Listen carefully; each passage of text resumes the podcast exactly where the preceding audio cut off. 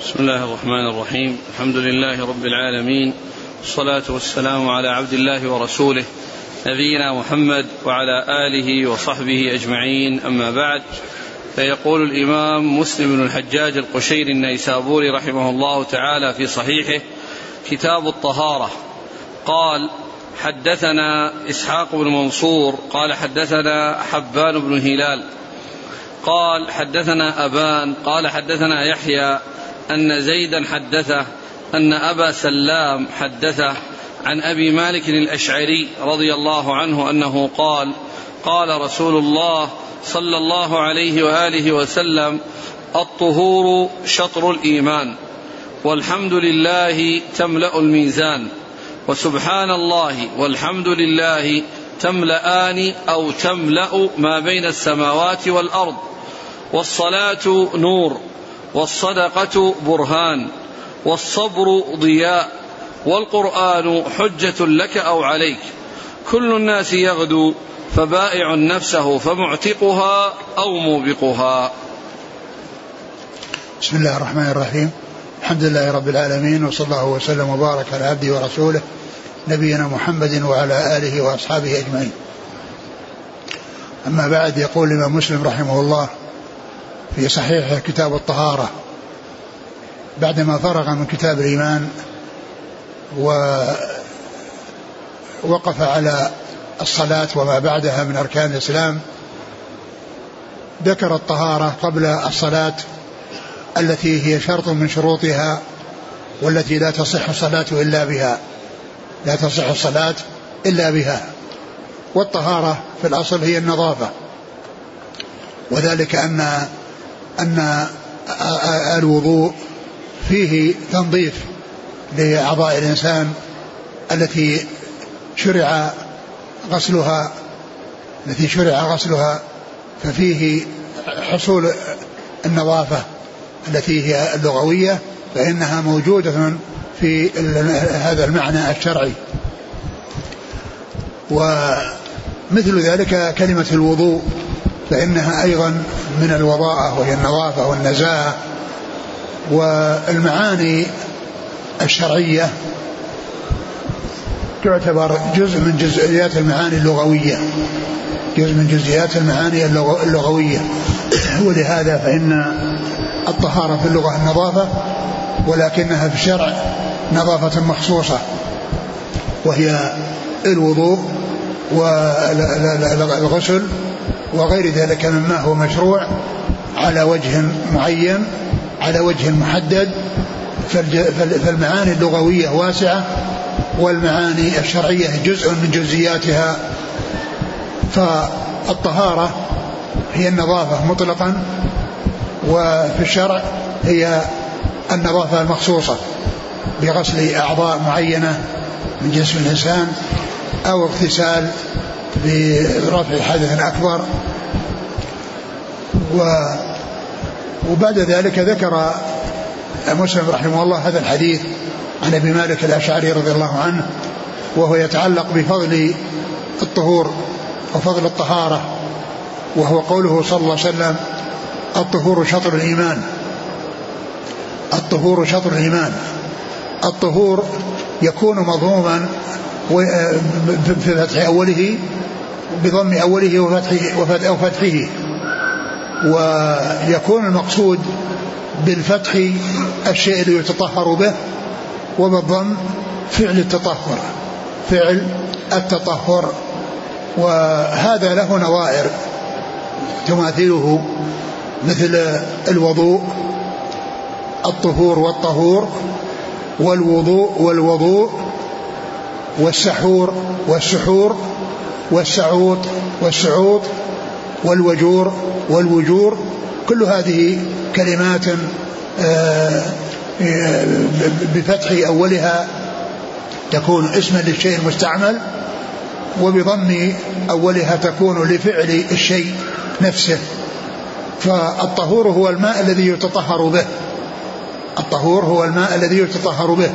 والطهور فعل التطهر. يعني كل إنسان يغسل وجهه ويغسل يديه يغسل وجهه ويغسل يديه المرفقين ويمسح رأسه ويغسل رجليه إلى الكعبين هذا فعل يقال له الطهور. ولهذا قال الطهور شطر الإيمان. يعني هذا الفعل الذي يفعله الإنسان هو يعتبر شطر الإيمان. وقيل في معنى شطر الإيمان أن أن الإيمان طهارة داخلية والطهارة هذه آه، طهارة ظاهرية طهارة ظاهرية لأنها على أعضاء الوضوء وعلى الجسم وأما الإيمان فهو طهارة داخلية. وقيل إن المقصود بالإيمان الصلاة. كما قال الله عز وجل وما كان الله يضيع إيمانكم وصلاتكم. ومعلوم أن الصلاة لا بد فيها من الطهارة. لا بد فيها من الطهارة. فهي بمثابة الشطر. بمثابة الشطر لأن الصلاة لا تقبل بدونها فكانت متعينة ولازمة كما أن الصلاة متعينة ولازمة ولا تصح بدونها إلا بالضرورة التي لا يستطيع الإنسان أن يعني يفعل شيئا من ذلك بأن يكون آه يعني غير متمكن من من الطهارة وغير متمكن من الصلاة بأن كان يكون مصلوبا على أو مربوطا بعمود أو ما إلى ذلك فإنه يصلي على حسب حاله. يصلي على حسب حاله ولا تسقط الصلاة ولا تسقط الصلاة عنه. لا بالنسبة للطهارة ولا بالنسبة لا يعني الطهارة لا تسقط والصلاة لا تسقط إلا للضرورة. كان يكون الإنسان غير متمكن من الوضوء وغير متمكن من الصلاة. فإنه عند ذلك يصلي على حسب حاله ولكن الصلاة لا تسقط عنه. ما دامت روحه في جسده ما دامت روحه جسده فإنه يصلي على حسب حاله. لكنه إذا كان متمكنا فإنه لا بد أن يأتي بالطهارة أولا ويأتي بالصلاة بعدها. فعلى هذا تكون الطهور شطر الإيمان الذي هو الصلاة والصلاة فعلها لا بد منه ولا بد من شيء قبلها الذي هو الطهارة أو الذي هو التطهر. والتطهر كما هو معلوم يكون بالماء أو بالتيمم عند عدمه أو عند عدم القدرة على الماء. الطهور شطر الإيمان. والحمد لله تملأ الميزان. وسبحان الله والحمد لله تملأان. أو تملأ ما بين السماء والأرض. الحمد لله تملأ الميزان يعني ميزان الأعمال. فإن هذا الذكر وهذا الثناء على الله عز وجل يعني آه، آه، إذا جعله الله أجساما فإنه يملأ الميزان.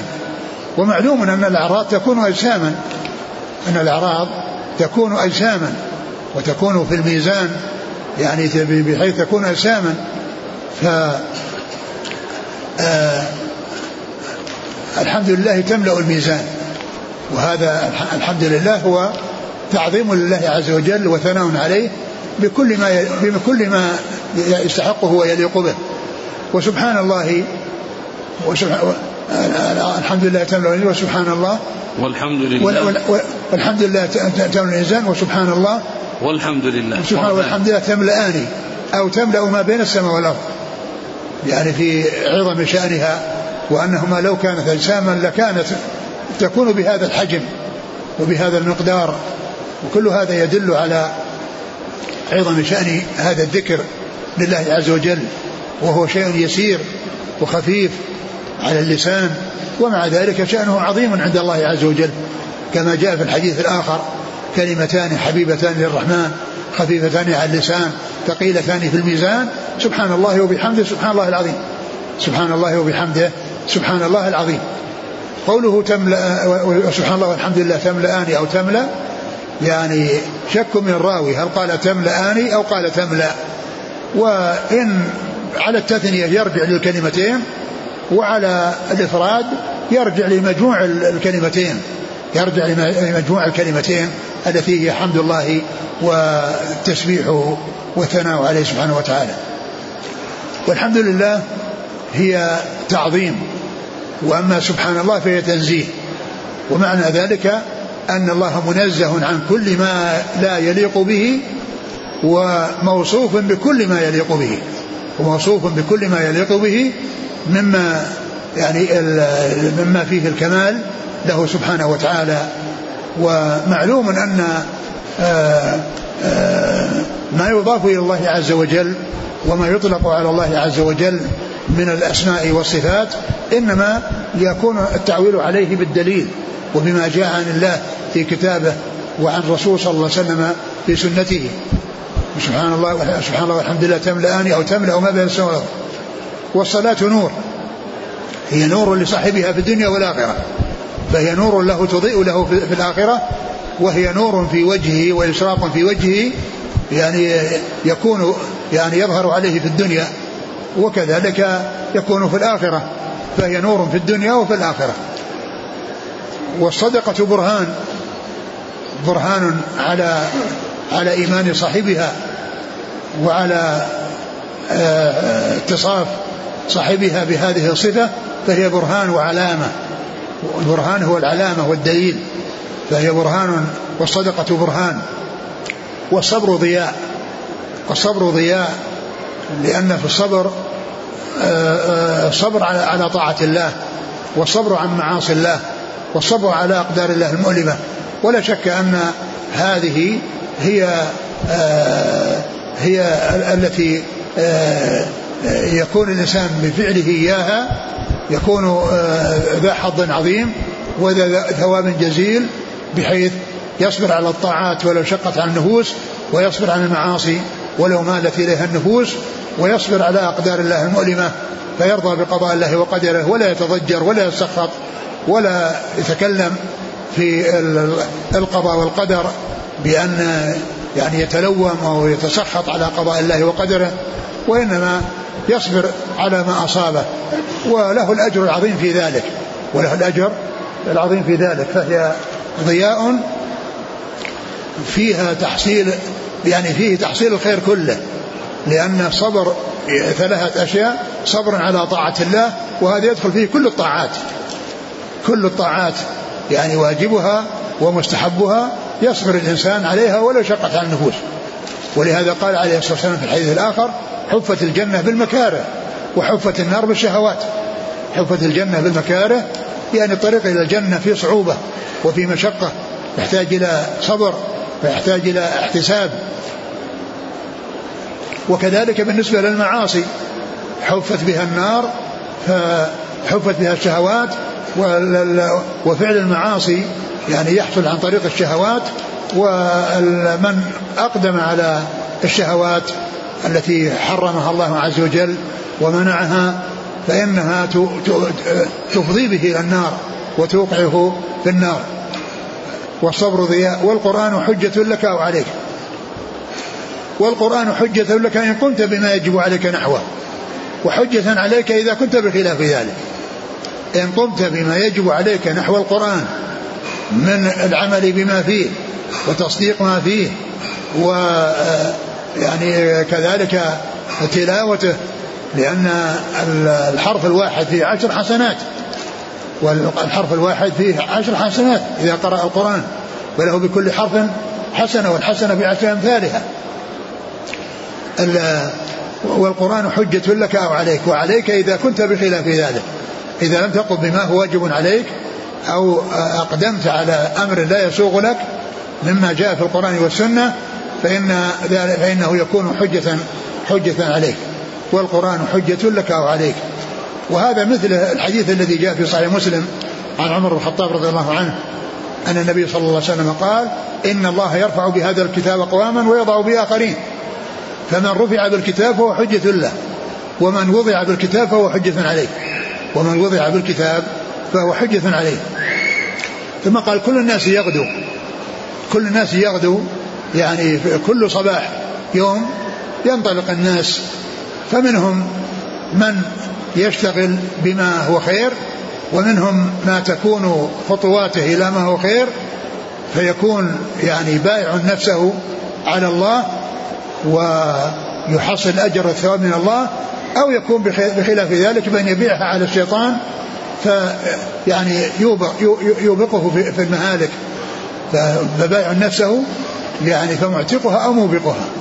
هذا كل يعني يخرج وهو إما أن يبيع نفسه على الله أو يبيع نفسه على الشيطان. فإن باعها على الله فهو على خير واعتقها. وحصلت السلامة والنجاة لها. وإن كان بخلاف ذلك بأن باعها على الشيطان فإنه يقع في المهالك ويقع في فيما يعود عليه بالمضرة في الدنيا والآخرة. نعم. قال حدثنا إسحاق بن منصور نعم الكوتي عن حبان بن هلال نعم. عن أبان عن؟ أبان أبان بن يزيد العطار. عن يحيى بن أبي كثير اليمامي. عن زيد هو؟ ما الله عن أبي سلام. نعم. عن أبي سلام ممطور الحبشي. عن أبي مالك الأشعري. نعم.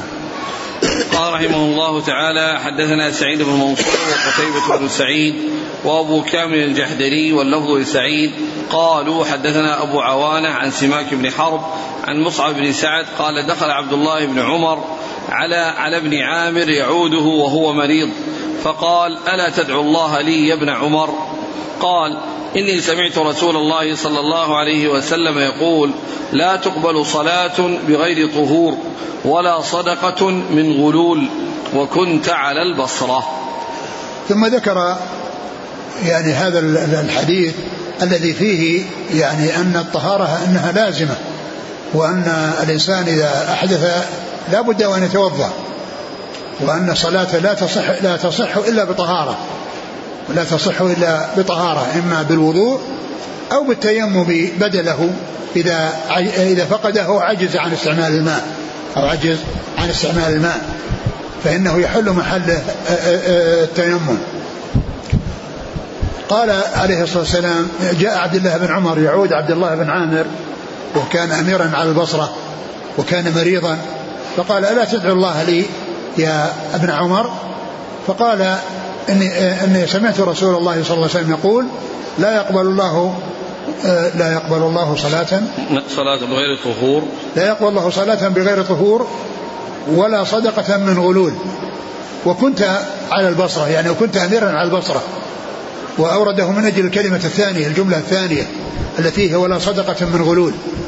ولا صدقة من غلول وأن يعني من ولي هذه الولايات قد يحصل له يعني شيء من هذه الأمور التي كونه يأخذ يعني مالا بغير حق.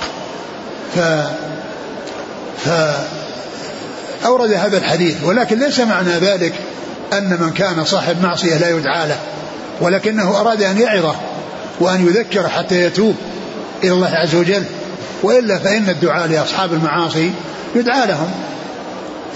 يدعى لهم ولكن ابن عمر أراد من هذا الكلام أن يذكره وأن يعظه وأن يتوب إلى الله عز وجل من كل ما حصل منه مما لا يسوق. والحديث أورده ابن عمر من أجل الجملة الثانية ولكن الجملة الأولى هي التي تتعلق بالطهارة ومن أجل ذلك أورده الإمام مسلم رحمه الله في أول أو أوائل كتاب الطهارة مبينا أن الصلاة لا بد فيها من طهارة وأن الصلاة لا تصح إلا بطهارة ولا تصح إلا بوضوء أو بما يقوم مقامه. وهذا يعني أمر لا إشكال فيه ومجمع عليه أن الصلاة لا تصح إلا إلا عن طهارة ما دام الإنسان قادرا عليها.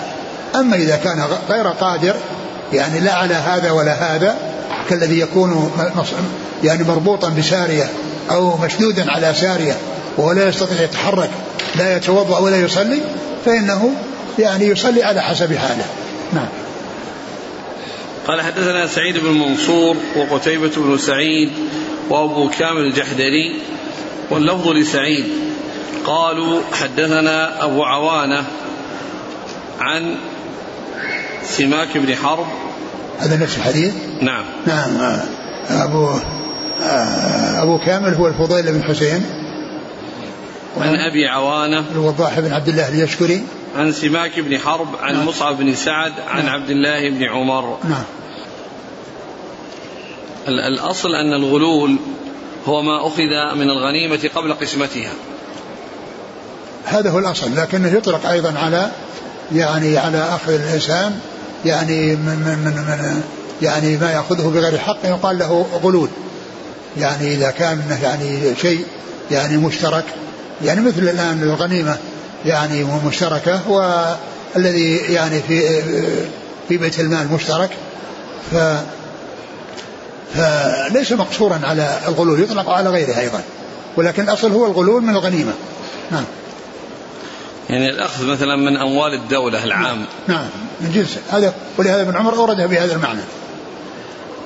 قال حدثنا محمد بن المثنى وابن بشار قال حدثنا محمد بن جعفر قال حدثنا شعبة حا قال حدثنا أبو بكر بن أبي شيبة قال حدثنا حسين بن علي عن زائدة قال أبو بكر ووكيع عن إسرائيل كلهم عن سماك بن حرب بهذا الإسناد عن النبي صلى الله عليه وسلم بمثله.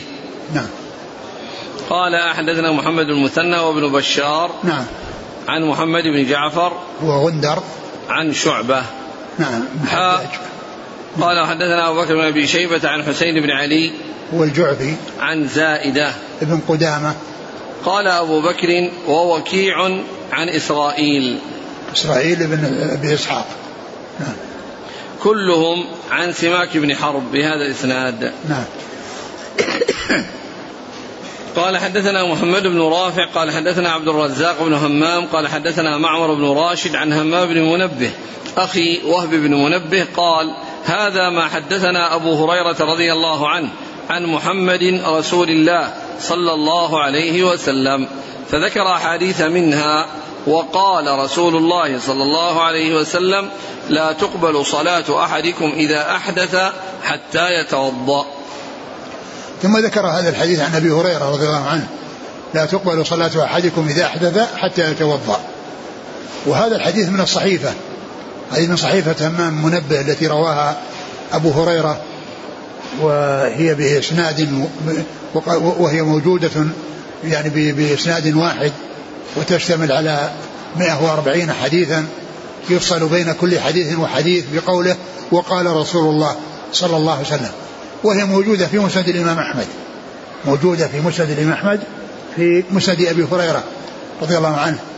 وهي إسنادها واحد ولكنها موضوعات متعددة يفصل بين كل حديث وحديث بجملة وقال رسول الله صلى الله عليه وسلم.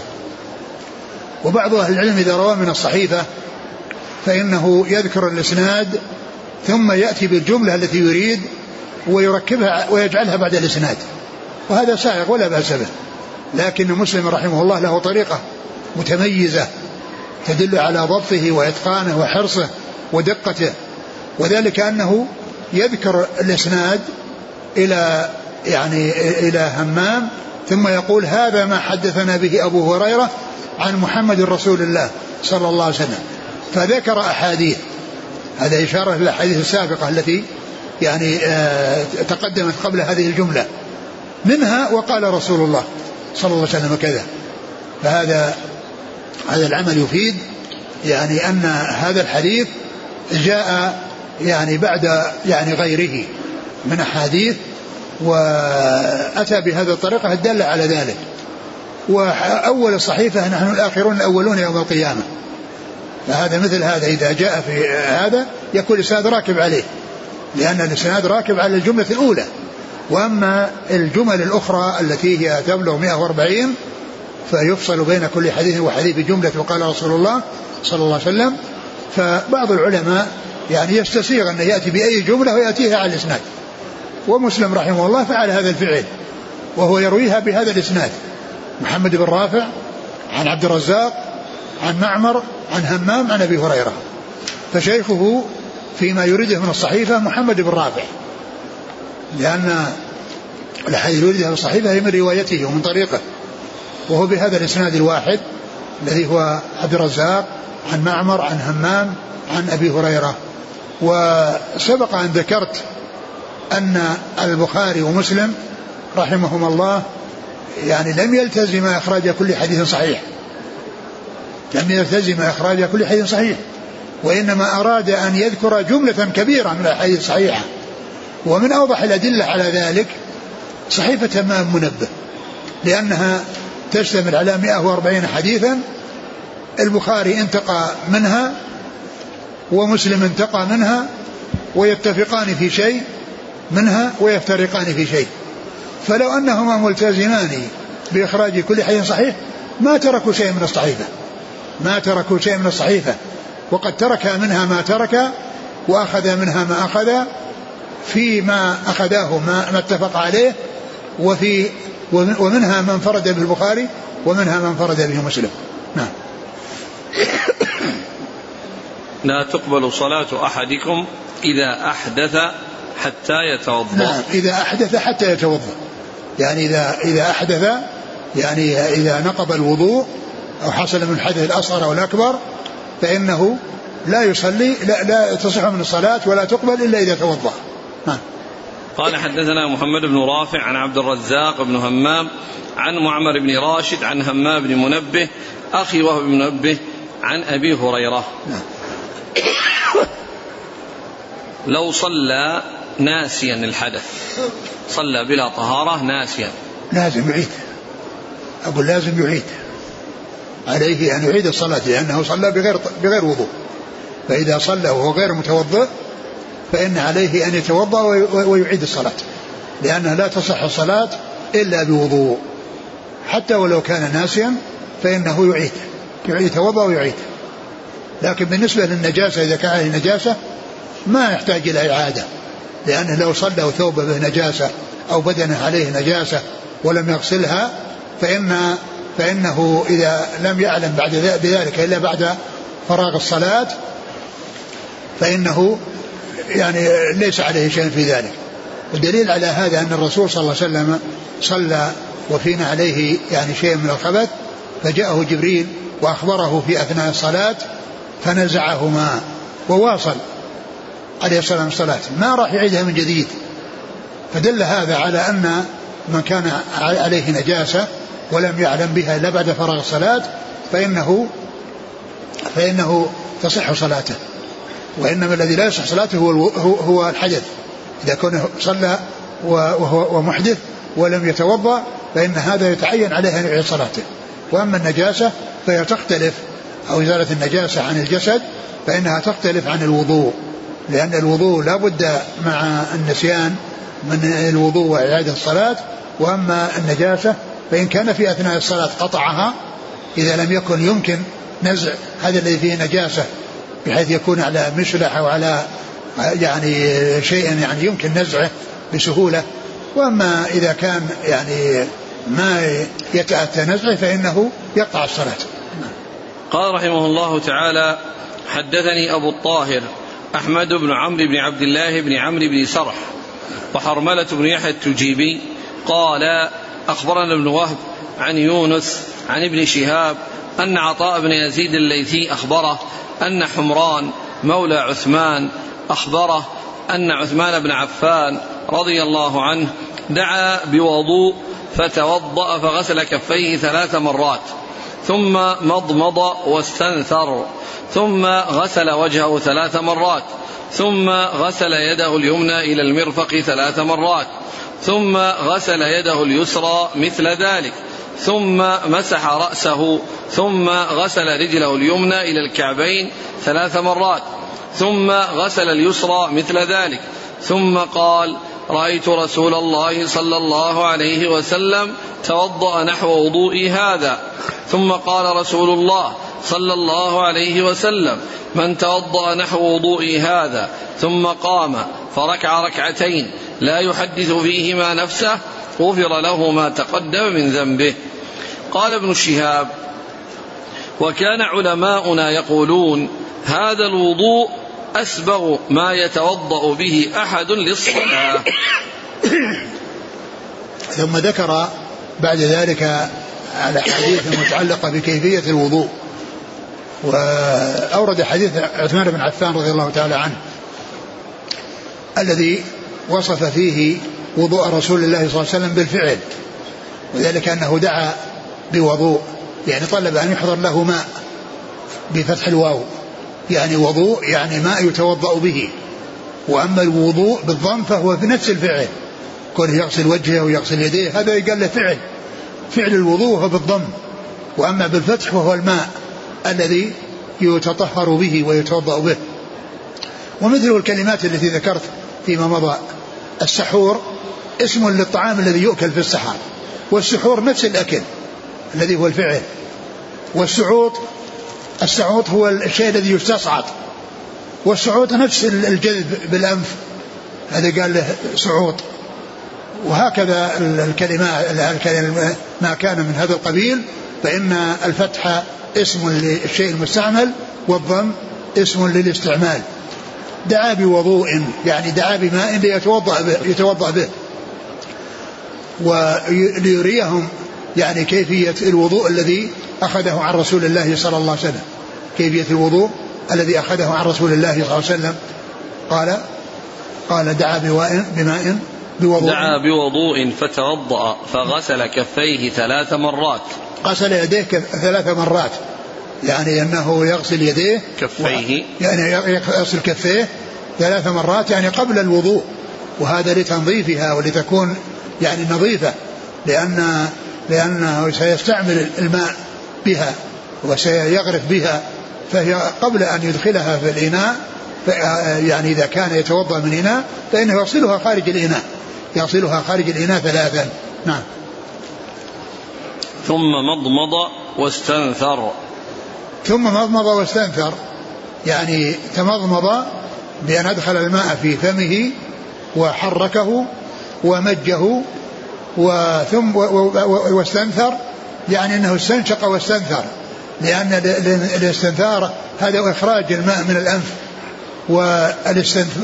والانتثار يسبقه استنشاق يعني كونه يجذبه إلى الداخل يقال له استنشاق وإخراجه منه يقال له انتثار يعني فمضمضة يعني استأتى بالمضمضة لفمه والاستنشاق الذي لم يعبر عنه هنا وإنما عبر بالإخراج والإخراج كما هو معلوم لا يكون إلا بعد إدخال. يعني إدخال الماء الذي هو الاستنشاق يكون إخراجه منه فيكون اقتصر على على على على, على في, في هذه الرواية على ذكر الانتثار الذي هو إخراجه عن الاستنشاق. نعم. ثم غسل وجهه ثلاث مرات. ثم غسل وجهه ثلاث مرات. غسل وجهه ثلاث مرات. وغسل الوجه يعني يعني يكون من منابت الشعر في أعلاه إلى يعني ما سرسل من اللحية. نعم. ثم غسل يديه يده اليمنى إلى المرفق ثلاث مرات. ثم غسل يده اليمنى إلى المرفق ثلاث مرات. والمرفق داخل. الغاية داخلة في المغية. ليست خارجة عنه. ولهذا جاء في بعض الأحاديث أنه يعني حتى يشرع في العضد. يعني بمعناها أنه يعني ليس الأمر يعني مقصورا على على بل تحقق ذلك بأن يشرع في العضد. يعني الذي تلي المرفق. فيكون غسل المرفق متحقق لأنه قد بدأ بالعضد. نعم.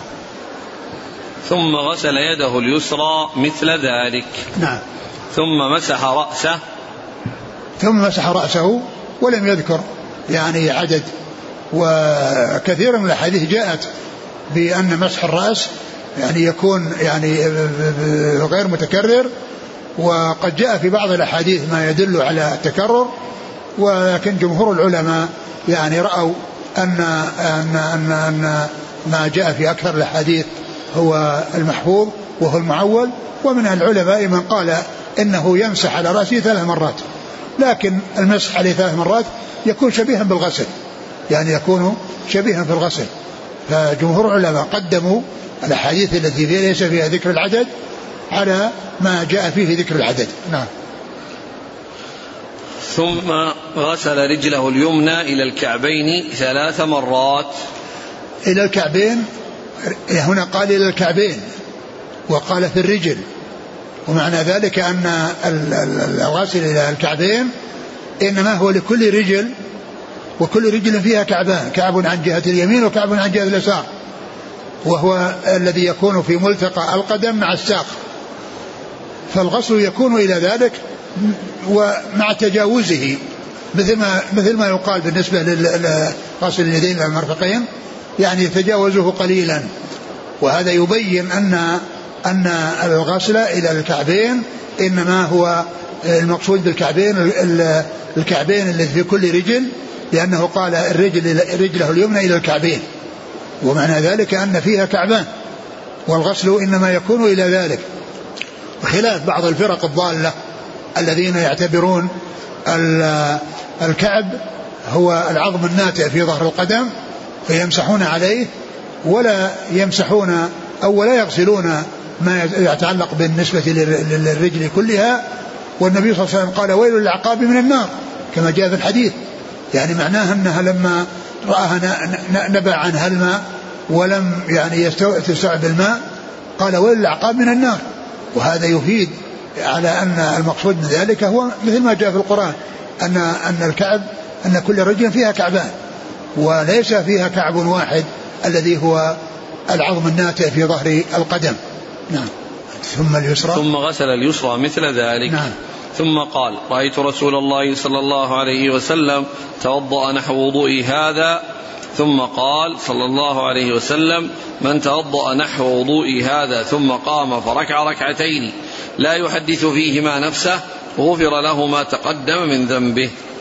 ثم ذكر عثمان رضي الله عنه وعثمان أراد أن يبين لهم الكيفية التي رأى النبي صلى الله عليه وسلم يشاهدها ويقول لهم مثل ما قال رسول الله عليه الصلاة والسلام وهذا فيه بيان البيان, البيان بالفعل بيان الأحكام الشرعية بالفعل تبين بالقول وتبين بالفعل والتبيين بالفعل يعني يكون فيه وضوح وفيه يعني جلاء وبيان وكذلك يكون بالقول ولكن عثمان رضي الله عنه أراد أن يبين في الوضوء بالكيفية التي رأى النبي صلى يفعلها والناس يشاهدونه ويعاينونه. ثم بعد ذلك يقول عثمان أن الرسول توضأ يعني أنه توضأ كما توضأ رسول الله. ثم إن النبي صلى الله عليه وسلم لما فرغ من وضوئه الذي هو بهذه الكيفية قال عليه الصلاة والسلام من؟ من توضأ نحو وضوئي هذا ثم قام فركع ركعتين. من توضأ نحو وضوئي هذا يعني الذي هو الذي هو الوضوء الذي وصفه في الحديث يعني والذي وصفه عثمان رضي الله عنه من فعله صلى الله عليه وسلم ثم أتى وصلى ركعتين لا يحدث فيهما نفسه لا خرج إلا غفر له ما تقدم من ذنبه. غفر له ما تقدم من ذنبه.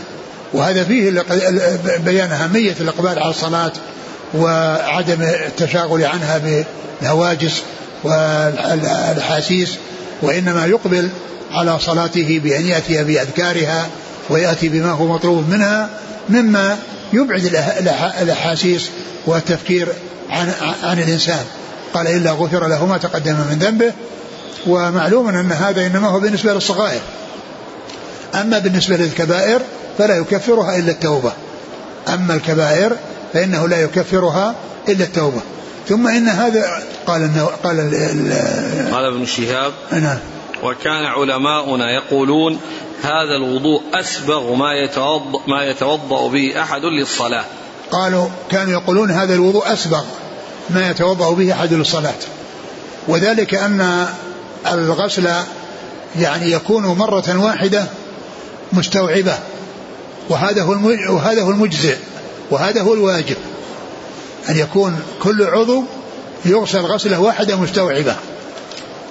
فهذا هو الحد الأدنى الذي لا بد منه ويكون بفعله أداء الواجب وما زاد على ذلك فهو مستحب.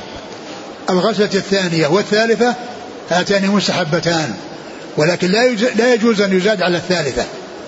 يعني فلهذا أكمل شيء يعني من حيث العدد هو ثلاث غسلات يعني لأعضاء الوضوء ما عدا الرأس فإن المسح فيه لمرة واحدة المسح فيه لمرة واحدة ولا يكرر المسح.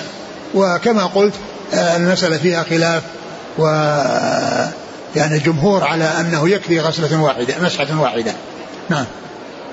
و و و ويجوز أن يعني وقد جاء ما يدل على أن يكون مرتين مرتين ويكون ثلاثا ثلاثا ويكون يعني واحدة واحدة هذا لابد منه. ويجوز أن يفرق بين الأعضاء بأن يكون بعضها يغسل ثلاث وبعضها يغسل اثنتين. آه، المهم ألا أن يستوعب مرة واحدة أن تكون مرة واحدة مستوعبة لجميع الأعضاء. وما زاد على ذلك إن أتى باثنتين اثنتين أو ثلاثا ثلاثا أو أتى ببعضها ثلاثا وبعضها اثنتين فإن كل ذلك سائغ وجائز. قال حدثني أبو الطاهر أحمد بن عمرو بن عبد الله بن عمرو بن سرح وحرملة بن يحيى التجيبي نعم وهما مصريان عن ابن وهب. عبد الله بن وهب. عن يونس. بن يزيد الأيلي. عن ابن شهاب. نعم. عن عطاء بن يزيد الليثي. نعم. عن حمران. عن عثمان. نعم. قال وحدثني زهير بن حرب. قال حدثنا يعقوب بن إبراهيم. قال حدثنا أبي عن ابن شهاب عن عطاء بن يزيد الليثي عن حمران مولى عثمان أنه رأى عثمان دعا بإناء فأفرغ على كفيه ثلاث مرار فغسلهما ثم أدخل يمينه في الإناء فمضمض واستنثر ثم غسل وجهه ثلاث مرات ويديه إلى المرفقين ثلاث مرات ثم مسح برأسه ثم غسل رجليه ثلاث مرات ثم قال قال رسول الله صلى الله عليه وسلم من توضأ نحو وضوئي هذا ثم صلى ركعتين لا يحدث فيهما نفسه غفر له ما تقدم من ذنبه. نعم وهذا مثل الذي قبله. قال حدثني زهير بن حرب عن يعقوب بن إبراهيم عن أبيه. إبراهيم بن سعد. نعم. عن ابن شهاب عن عطاء بن يزيد الليثي عن حمران عن عثمان. نعم. قال رحمه الله تعالى وحدثنا قتيبة بن سعيد قال قال حدثنا قتيبة بن سعيد وعثمان بن محمد بن أبي شيبة وإسحاق بن إبراهيم الحنظلي واللفظ لقتيبة. قال إسحاق أخبرنا وقال الآخران حدثنا جرير عن هشام بن عروة عن أبيه عن حمران مولى عثمان. قال سمعت عثمان بن عفان رضي الله عنه وهو بفناء المسجد فجاءه المؤذن عند العصر فدعا بوضوء فتوضأ. ثم قال والله لأحدثنكم حديثا لولا آية في كتاب الله ما حدثتكم. إني سمعت رسول الله صلى الله عليه وسلم يقول لا يتوضأ رجل مسلم فيحسن الوضوء فيصلي صلاة إلا غفر الله له ما بينه وبين الصلاة التي تليها. ثم ذكر هذا الحديث عن عثمان رضي الله عنه أنه قال يعني آه ولا ولا والله قال وهو في فناء المسجد قد جاءه المؤذن لصلاة العصر نعم يعني هذا فيه هذا فيه بيان تحديد الصلاة وأنه كان بفناء المسجد يعني خارج المسجد يعني قريبا منه. نعم. إيش؟ قال فجاءه المؤذن عند العصر فدعا بوضوء فتوضأ ثم قال والله لأحدثنكم حديثا لولا آية في كتاب الله ما حدثتكم. نعم. يعني هذا يبين أنه يعني آه، يبين هذا الفضل الذي جاء عن رسول الله صلى الله عليه وسلم ولكنه يعني فيه يعني ترغيب ويخشى أن يتكل عليه يعني يتكل على الأعمال الصالحة التي جاء فيها ترغيب. فقال لولا آية وهي الآية اللي فيها النهي عن كتم العلم يكتبون ما أنزلنا من البينات في سورة البقرة. نعم. نعم بعد إلى قوله يلعنهم اللاعنون نعم. قال لولا آية في كتاب الله ما حدثتكم إني سمعت رسول الله صلى الله عليه وسلم يقول لا يتوضأ رجل مسلم فيحسن الوضوء فيصلي صلاة إلا غفر الله له ما بينه وبين الصلاة التي تليها. وهذا فيه زيادة على ما تقدم في الحديث أنه غفر له ما تقدم من ذنبه وهنا أيضا فيه زيادة أن ما بينها وبين الصلاة التي تليها. نعم. قال حدثني حدثنا قتيبة بن سعيد وعثمان بن عثمان بن محمد بن أبي شيبة وإسحاق بن إبراهيم الحنظلي واللفظ لقتيبة. قال إسحاق أخبرنا وقال الآخران حدثنا جرير. بن عبد الحميد. عن هشام بن عروة عن أبيه عن حمران عن عثمان. نعم. قال وحدثناه أبو كريب قال حدثنا أبو أسامة حا قال وحدثنا زهير بن حرب وأبو كريب قال حدثنا وكيع حا قال وحدثنا ابن أبي عمر قال حدثنا سفيان جميعا عن هشام بهذا الإسناد وفي حديث أبي أسامة فيحسن وضوءه ثم يصلي المكتوبة. نعم وهذا وهذا فيه يعني بيان أن أن الإنسان عندما يتوضأ ويأتي للصلاة فإنه يحصل هذا الأجر. وسواء يعني جاء يعني في وقت صلاة وصلى المكتوبة أو أنه توضأ وصلى نافلة. يعني كل ذلك يحصل فيه الأجر. يعني عندما يتوضأ لمكتوبة أو لنافلة فيصليها كل ذلك يحصل هذا الأجر. نعم. قال وحدثناه أبو كريب محمد بن العلاء. عن أبي أسامة حماد بن أسامة. قال وحدثنا زهير بن حرب وأبو كريب. قال حدثنا وكيع. بن الجراح. قال وحدثنا ابن أبي عمر. العدني. عن سفيان. بن عيينة. جميعا عن هشام. نعم. قال وحدثنا زهير بن حرب. قال حدثنا يعقوب بن إبراهيم. قال حدثنا أبي عن صالح. قال ابن شهاب ولكن عروة يحدث عن حمران. أنه قال فلما توضأ عثمان قال والله لأحدثنكم حديثا. والله لولا آية في كتاب الله ما حدثتكموه. إني سمعت رسول الله صلى الله عليه وسلم يقول لا يتوضأ رجل فيحسن وضوءه ثم يصلي الصلاة إلا غفر له ما بينه وبين الصلاة التي تليها. قال عروة الآية إن الذين يكتمون ما أنزلنا من البينات والهدى إلى قوله اللاعنون. نعم وهذا مثل الذي قبله. قال وحدثنا زهير بن حرب عن يعقوب إبراهيم عن أبيه. نعم. عن صالح. بن كيسان قال ابن شهاب ولكن عروة يحدث عن حمران. نعم. عن عثمان. نعم. قال حدثنا عبد بن حميد وحجاج بن الشاعر كلاهما عن أبي الوليد. قال عبد حدثني أبو الوليد. قال حدثنا إسحاق بن سعيد بن عمرو بن سعيد بن العاص قال حدثني أبي عن أبيه قال كنت عند عثمان رضي الله عنه فدعا بطهور فقال سمعت رسول الله صلى الله عليه وسلم يقول ما من امرئ مسلم تحضره صلاة صلاة مكتوبة فيحسن وضوءها وخشوعها وركوعها إلا كانت كفارة لما قبلها من الذنوب ما لم يؤت كبيرة وذلك الدهر كله. ثم ذكر هذا الحديث الذي فيه يعني إحسان الوضوء والصلاة يعني بعد ذلك وأنها تكفر ما تقدم من الذنوب يعني ما لم يؤت كبيرة فإن الكبيرة هذه آه، لا بد من التوبة منها ولا تكفرها الأعمال الصالحة وإنما الأعمال الصالحة تكفر تكفر الصغائر. وأما الكبائر فلا يكفرها إلا التوبة. نعم. قال, قال وذلك الدهر كله يعني هذا الحكم مستمر. يعني أنه دائم مستمر وأن كل يعني من حصل منه ذلك فإنه يحصل يعني هذا الأجر. نعم. قال حدثنا عبد بن حميد وحجاج الشاعر كلاهما عن أبي الوليد. وهو هشام بن عبد الملك الطيالسي.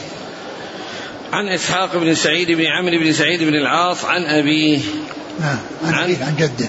عن أبيه عن أبيه. نعم. عن عثمان. نعم. قال حدثنا قتيبة بن سعيد وأحمد بن عبدة الضبي. قال حدثنا عبد العزيز هو الدراوردي. عن زيد بن أسلم عن حمران مولى عثمان. قال أتيت عثمان بن عفان رضي الله عنه بوضوء. فتوضأ ثم قال إن ناسا يتحدثون عن رسول الله صلى الله عليه وسلم أحاديث لا أدري ما هي إلا أني رأيت رسول الله صلى الله عليه وسلم توضأ مثل وضوئي هذا ثم قال من توضأ هكذا غفر له ما تقدم من ذنبه وكانت صلاته ومشيه إلى المسجد نافلة وفي رواية ابن عبدة أتيت عثمان فتوضأ أعد المتن قال عن حمران مولى عثمان قال أتيت عثمان بن عفان بوضوء نعم. فتوضأ. نعم. ثم قال إن ناسا يتحدثون عن رسول الله صلى الله عليه وسلم أحاديث لا أدري ما هي إلا أني رأيت رسول الله صلى الله عليه وسلم توضأ مثل يبين يبين رضي الله عنه ما شاهده وعاينه من رسول الله صلى الله عليه وسلم ويبين لهم أن هذا الذي يرويه أو الذي يسنده ويضيفه إلى رسول الله صلى الله عليه وسلم أنه عن مشاهدة ومعاينة وأنه متحقق من ذلك. وقال إن أناسا يعني يذكرون أشياء لا, لا, لا أدري ما هي لكنه متحقق هو من الشيء الذي شاهده وعاينه من رسول الله صلى الله عليه وسلم. نعم.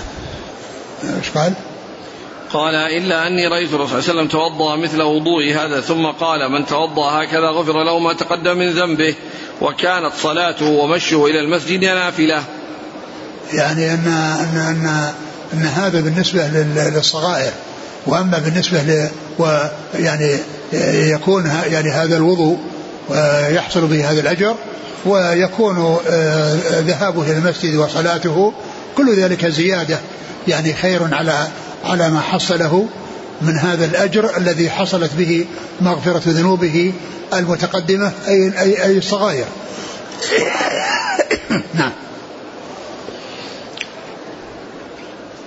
قال حدثنا قتيبة بن سعيد وأحمد بن عبدة الضبي عن عبد العزيز وهو الدراوردي نعم. عن زيد بن أسلم عن حمران عن عثمان نعم.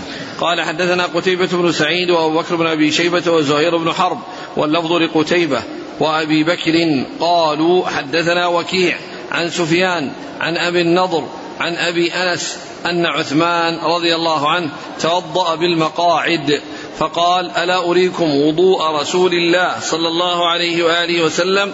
ثم توضأ ثلاثا ثلاثا وزاد قتيبة في روايته قال سفيان قال أبو النضر عن أبي أنس قال وعنده رجال من أصحاب رسول الله صلى الله عليه وسلم. ثم ذكر هذا الحديث وقال أنه توضأ بالمقاعد وفي الأول قال بفناء المسجد والمقصود من ذلك أنه آه، مكان خارج المسجد قريب منه متصل به يعني ليس ببعيد منه. يعني هناك عبر عن بفناء وهنا بالمقاعد. قيل إنها أماكن يعني متصلة بالمسجد أو قريبة من المسجد يعني كانوا يعني يقعدون عليها ويجلسون عليها. فكان أحضر أو طلب إحضار ماء وتوضأ وهم يشاهدون وهم جماعة من أصحاب رسول الله صلى الله عليه وسلم ويعني آه، كلهم شاهدوه. وعاينوه يحدث بهذا الحديث شاهدوا شاهدوا فعله وتحديثه بهذا الحديث عن رسول الله صلى الله عليه وسلم. نعم. قال حدثنا قتيبة بن سعيد وأبو بكر بن أبي شيبة وزهير بن حرب واللفظ لقتيبة وأبي بكر عن وكيع عن سفيان. الثوري. عن أبي النضر. هو؟ أبو النضر شوف اسمه. شوف التقريب فيه أبو النضر وفيه أبو نضرة. سالم بن أمية المدني. نعم. هلال. سالم. سالم. بن أمية. المدني نعم. وذاك أبو أنس. سالم ابن ها؟ سالم. ثالث. ابن أبي. لا ابن موجود؟ ابن أبي أنس. لا لا هذا سيأتي. الآن هذا التلميذ. أبو النضر عن أبي أنس. نعم. أبو النضر سالم نعم. ابن أبي أمية القرشي نعم. التيمي نعم. المدني. طيب. عن ابن أبي أنس؟ عن أبي أنس.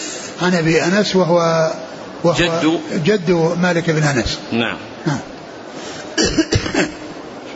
سالم بن مالك بن أبي عامر الأصبحي جد الإمام مالك. نعم.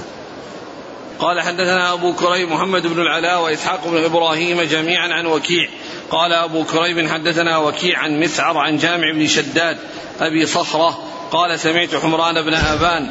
قال كنت أضع لعثمان طهوره فما أتى عليه يوم إلا وهو يفيض عليه نطفة.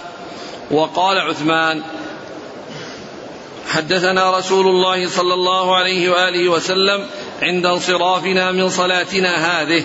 قال مسعر أراها العصر. فقال ما أدري أحدثكم بشيء أو أسكت. فقلنا يا رسول الله إن كان خيرا فحدثنا وإن كان غير ذلك فالله ورسوله أعلم. قال ما من مسلم يتطهر فيتم الطهور الذي كتب الله عليه فيصلي هذه الصلوات الخمس إلا كانت كفارات لما بينهما.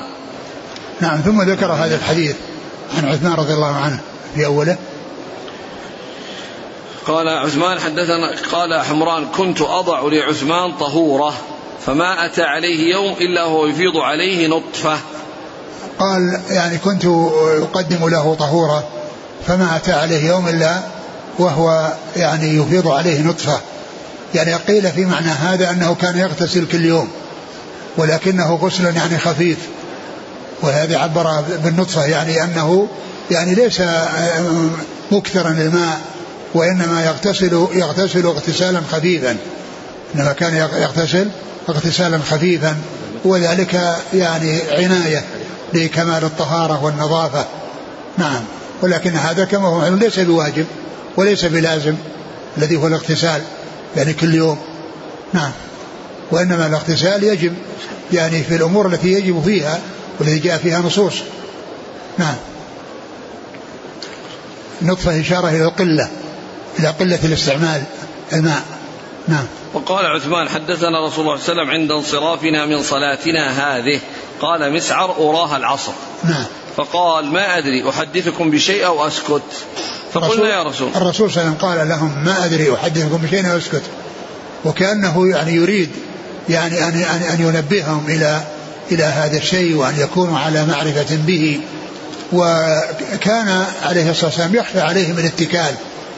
يخشى عليهم الاتكال. ولهذا جاء في بعض الأحاديث أنه يعني آه، ينهى عن آه، إبلاغ يعني أشياء التي قد يتكل عليها الناس. مثل ما جاء في حديث لا أبشرهم قال لا تبشرهم فيتكلوا. وكذلك ما جاء في قصة أبي هريرة مع عمر لما قال أعطاه عليه وقال من وجدت وراء هذا الحائط يشهد أن لا إله إلا الله وأن محمدا رسول الله فبشره بالجنة. فيعني دفعه عمر وقال ارجع. فلما رجع آه، أخبر الرسول صلى الله عليه وسلم بذلك قال لماذا؟ قال فخلهم يعملون. قال فخلهم. وفي هذا الحديث حسن جواب الصحابة رضي الله عنهم وأرضاهم. لأنهم لما قال يعني لا أدري أحدثكم قالوا إن كان خيرا فحدثنا وإن كان غير ذلك فالله ورسوله أعلم. إن كان خيرا فحدثنا وإن كان غير ذلك فالله ورسوله أعلم. فقال قال ما من مسلم يتطهر فيتم الطهور الذي كتب الله عليه فيصلي هذه الصلوات الخمس إلا كانت كفارات لما بينها. نعم هذا هو يعني فيه ترغيب وكان قال ذلك لأن لأنه قد يخشى الاتكال يعني على مثل هذا الفضل وعلى الفضل العظيم الذي يعني آه، يخبر به الرسول عليه السلام عن ربه في تفضله وإحسانه. فبين يعني ذلك الشيء الذي قال لهم أنه لا يدري هل يعني يخبرهم أو لا يخبرهم.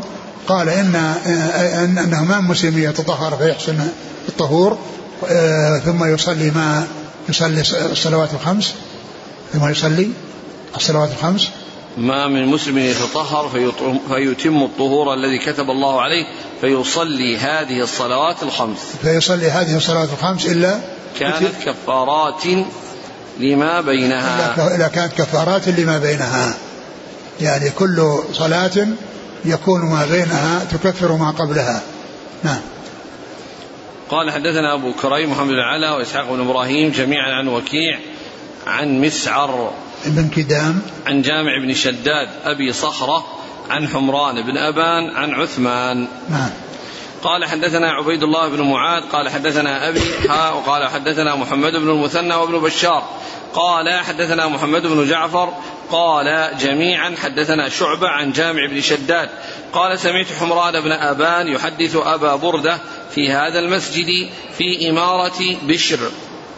أن عثمان بن عفان رضي الله عنه قال قال رسول الله صلى الله عليه وسلم من أتم الوضوء كما أمره الله تعالى فالصلوات المكتوبات كفارات لما بينهن.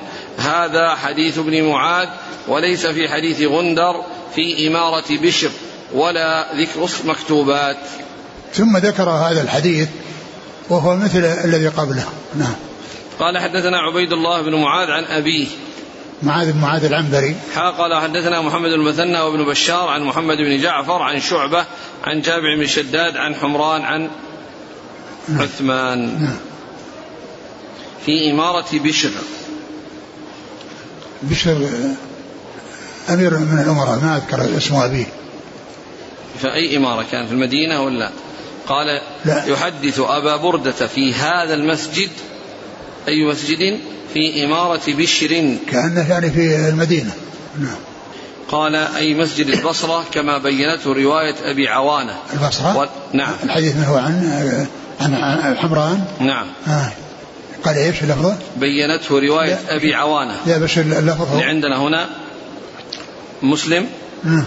يقول جامع بن شداد سمعت حمران بن أبان يحدث أبا بردة في هذا المسجد. نعم يعني هذا بالنسبة, هذا بالنسبة لحدث أبو بردة وليس عثمان لأن عثمان ما ما ما خرج من المدينة.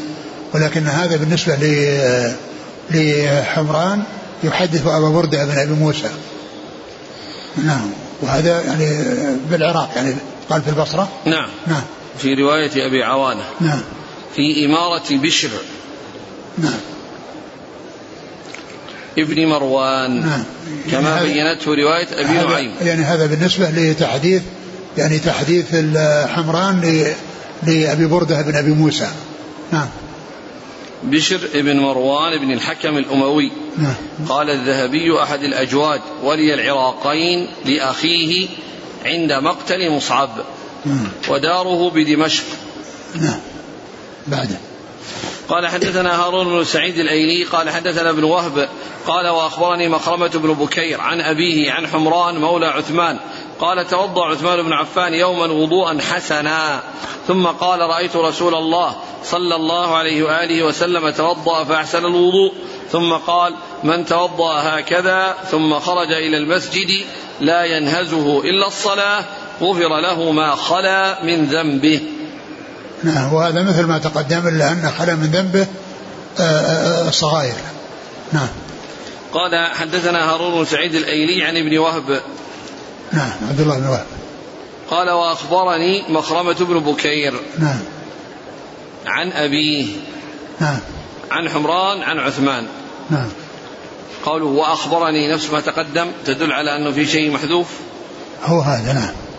قال وحدثني أبو الطاهر ويونس بن عبد الأعلى قال أخبرنا عبد الله بن وهب عن عمرو بن الحارث أن الحكيم بن عبد الله القرشي حدثه أن نافع بن جبير وعبد الله بن أبي سلمة حدثاه أن معاذ بن عبد الرحمن حدثهما عن حمران مولى عثمان بن عفان عن عثمان بن عفان قال سمعت رسول الله صلى الله عليه وسلم يقول من توضأ للصلاة فأسبغ الوضوء ثم مشى إلى الصلاة المكتوبة فصلاها مع الناس أو مع الجماعة أو في المسجد غفر الله له ذنوبه. ثم ذكر هذا الحديث ومثل ما تقدم وقال هنا صلاها مع الناس أو صلاها في المسجد أو مع الجماعة. مع الجماعة. يعني هذا يعني يحتمل أن يكون يعني شك أو أن, أن, أن أنها يعني يكون كل هذه الأمور معتبرة.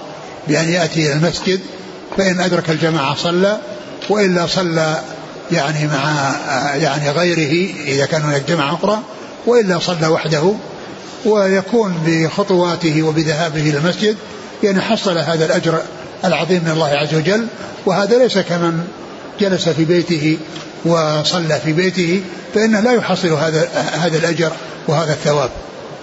قال وحدثني أبو الطاهر ويونس بن عبد الأعلى عن عبد الله بن وهب عن عمرو بن الحارث عن حكيم بن عبد الله القرشي. نعم. عن نافع بن جبير وعبد الله بن أبي سلمة عن معاذ بن عبد الرحمن عن حمران عن عثمان. نعم. انتهى الباب. وش الباب اللي بعده؟ الصلوات الخمس والجمعة إلى الجمعة كفار لما بينهم. والله تعالى أعلم وصلى الله وسلم وبارك على عبده ورسوله نبينا محمد وعلى آله وأصحابه أجمعين. جزاكم الله خيرا وبارك الله فيكم. ألهمكم الله الصواب ووفقكم للحق. شفاكم الله وعافاكم ونفعنا الله ما سمعنا وغفر الله لنا ولكم وللمسلمين أجمعين. آمين. يقول أحسن الله إليكم. الوضوء على الوضوء. هل له فضيلة وأجر؟ لا شك أن أن أن كل إنسان يتوضأ يعني وعلى خير بس ما, ما أدري يعني لا أتذكر شيء يعني يدل على يعني يدل على شيء في ذلك. وأما كل إنسان يعني يتوضأ ويجدد الوضوء لا بأس بذلك. ما أذكر يعني شيء يدل على يعني فضيلته. يقول كيف يتوضأ من كان في يده حرق؟ لا يمكنه غسله ولا المسح عليه. هل يتيمم أم يجمع بين الغسل والتيمم؟ يعني إذا كان إذا كان هذا الجرح يعني يتضرر بالماء فإنه لا يغسله ولكن يتيمم له. ويجمع يجمع بينهم نعم نعم نعم لازم لازم. يعني يغسل الشيء الذي يعني سليم والشيء الذي فيه مضرة يضيف يأتي بالتيمم من أجله. يقول من عنده رجل اصطناعية هل يغسلها؟ إذا كان إذا كانت الرجل يعني بعد الكعبين وقطعها بعد الكعبين فلا يغسلها. وإن كانت يعني بقي منها الكعبان فإنه يغسل يعني هذا الذي بقي. يعني المهم أن محل الوضوء إذا كان موجودا يغسل كله أو ما وجد بقي منه.